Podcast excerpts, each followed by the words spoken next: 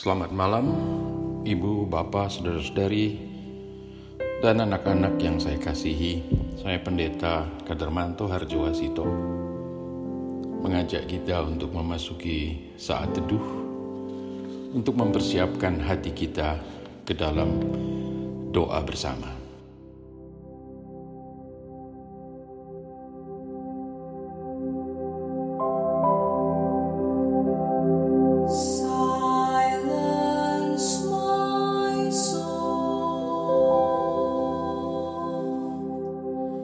dear.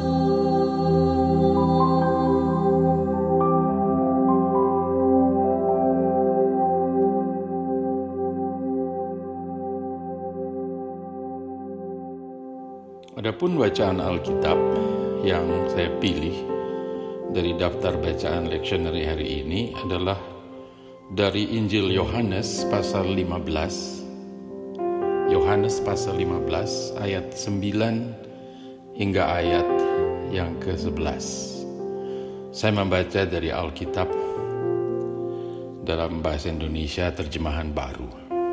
Sebagai berikut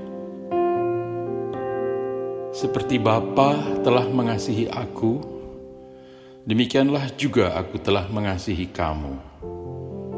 Tinggallah di dalam kasihku itu. Jikalau kamu menuruti perintahku, kamu akan tinggal di dalam kasihku, seperti aku menuruti perintah Bapakku dan tinggal di dalam kasihnya.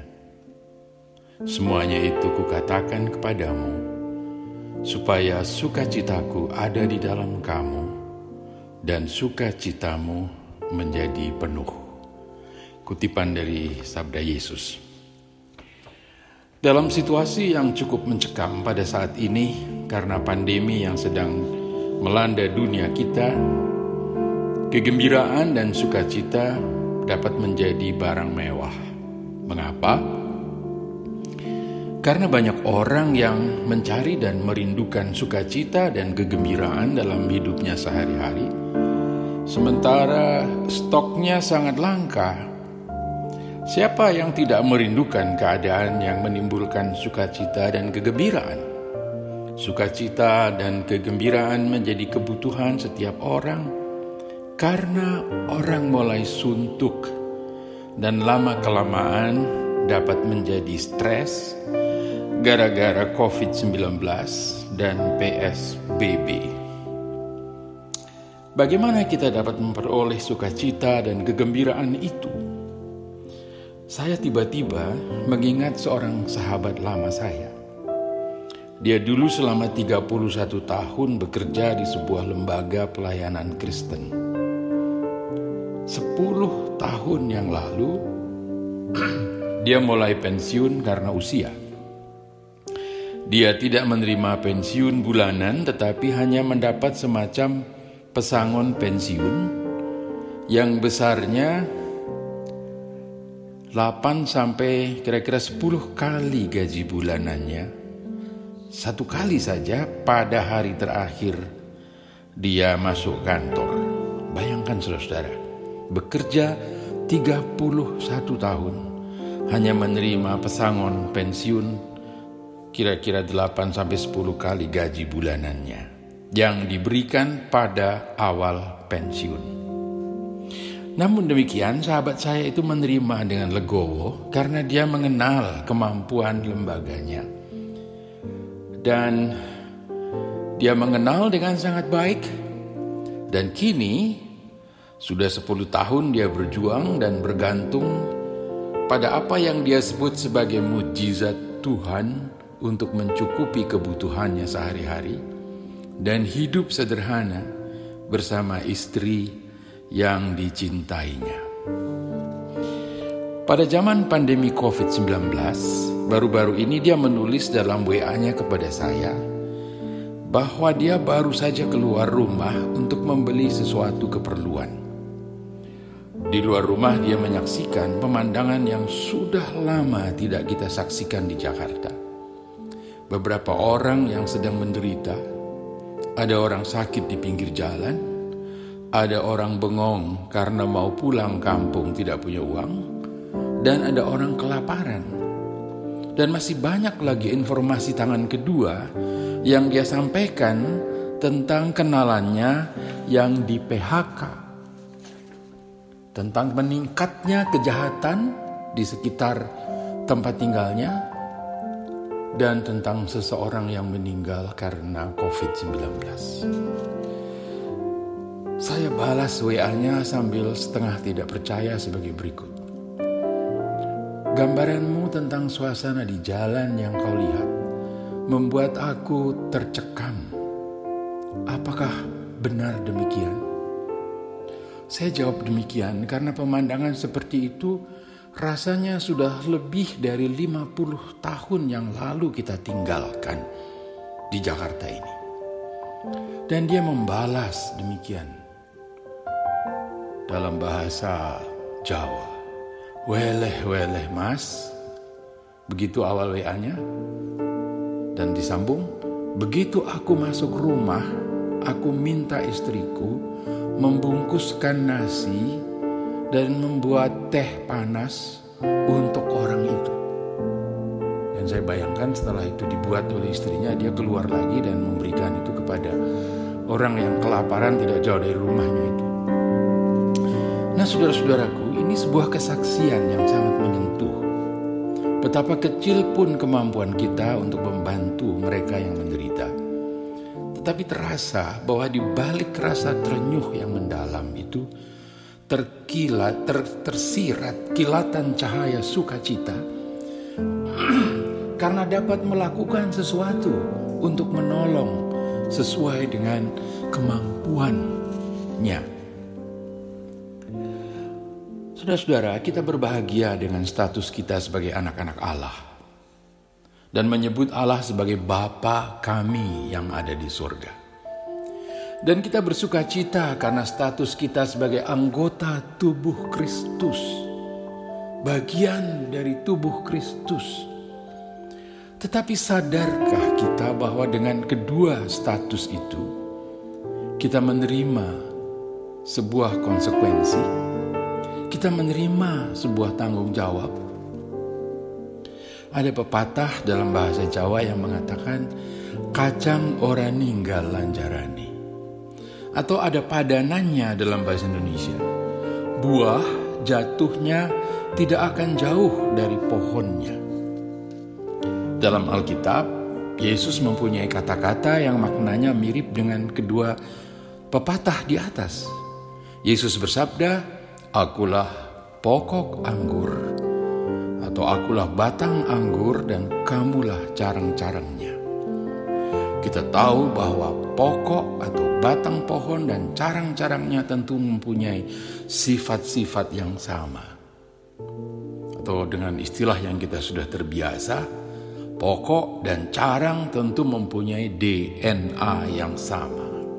Kita terbiasa dengan istilah DNA dalam proses pengusutan forensik yang dilakukan oleh kepolisian terhadap suatu peristiwa kriminal misalnya, atau pada waktu terjadi kecelakaan pesawat terbang, laboratorium forensik berusaha mengenal korban dengan mencocokkan DNA korban dengan DNA keluarganya yang masih hidup. Nah, saudara-saudara sekalian, kita mendapat simbol yang luar biasa di sini.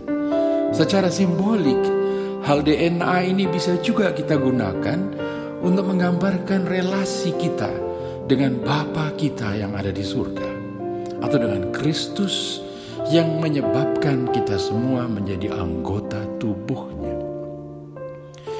Sehingga sepatutnya lah kalau DNA kelakuan kita juga mencerminkan DNA Bapa kita dan DNA Kristus yang penuh kasih.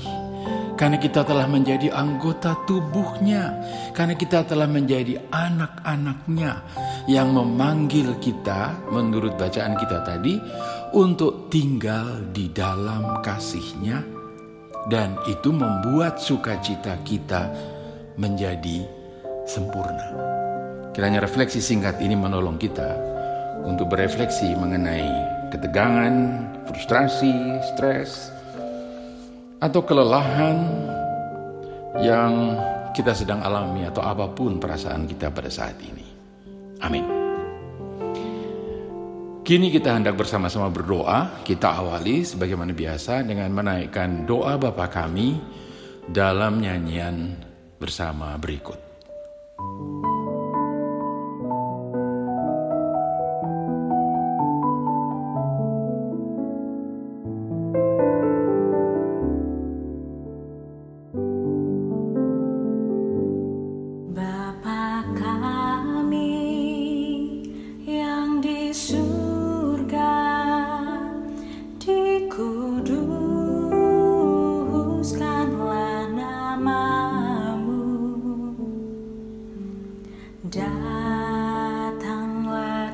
Tuhan,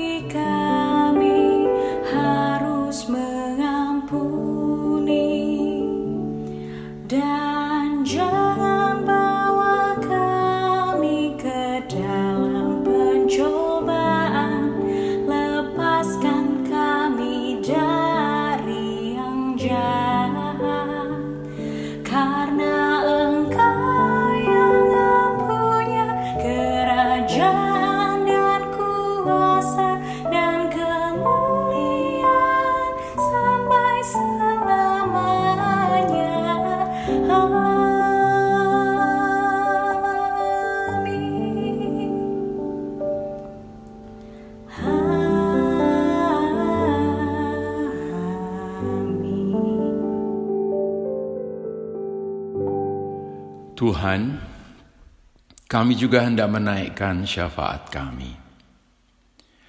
Di dalam kesuntukan kami, karena kami harus di rumah saja dalam waktu yang sudah cukup lama, berikanlah sukacitamu, karena kami dapat mempraktikkan panggilanmu untuk mengasihi sukacita karena mengasihi.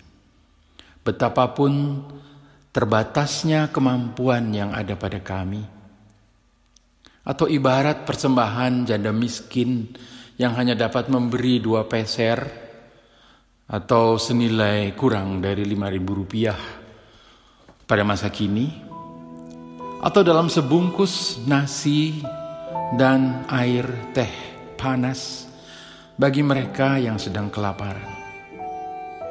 Dalam pengasihanmu kami mohon.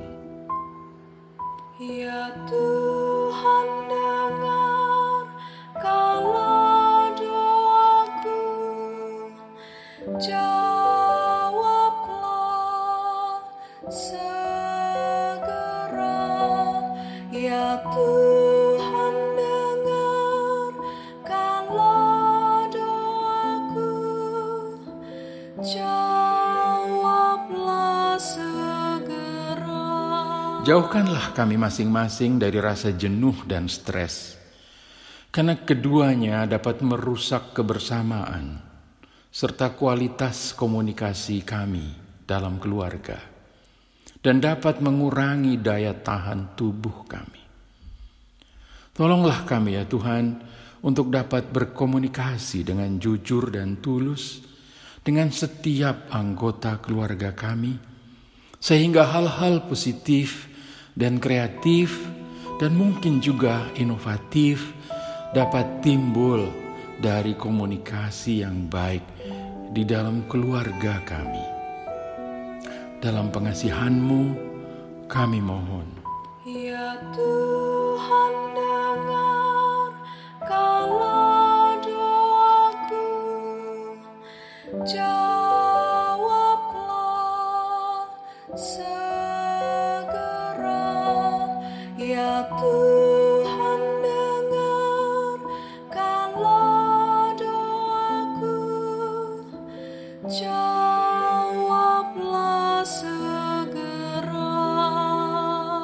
Ya Tuhan, Engkaulah batang anggur yang benar, dan kamilah carang-carangnya.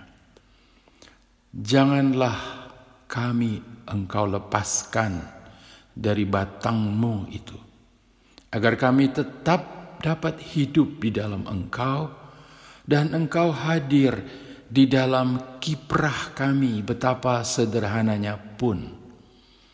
Jangan biarkan kami hilang atau terlepas dan tidak memantulkan sinarmu dalam kegelapan di dunia sekitar kami. Jadikan kami sungguh-sungguh bagian dari tubuh Kristus, baik di dalam suka maupun duka kami, di dalam kemakmuran dan kekurangan kami di dalam kelegaan dan kesempitan kami, di dalam pasang dan surut kami.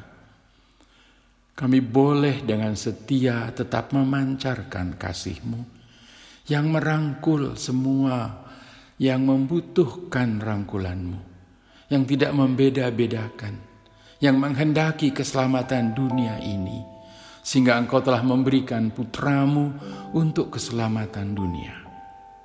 Tolonglah kami ya Tuhan untuk memahami hal itu semua. Dan kami tidak kehilangan visi kerajaan-Mu yang sedang datang untuk atau demi keselamatan manusia. Dalam pengasihan-Mu kami Ya mohon. Tuhan dengar kalau doaku Jawablah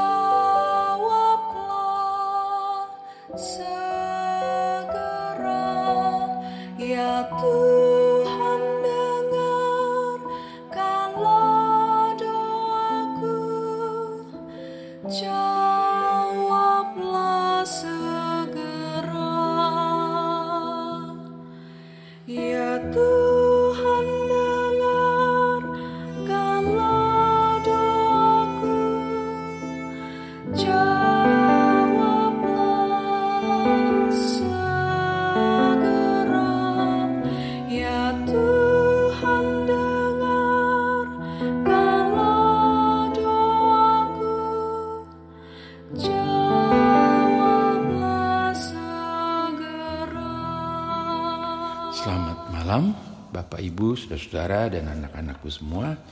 Selamat beristirahat. Tuhan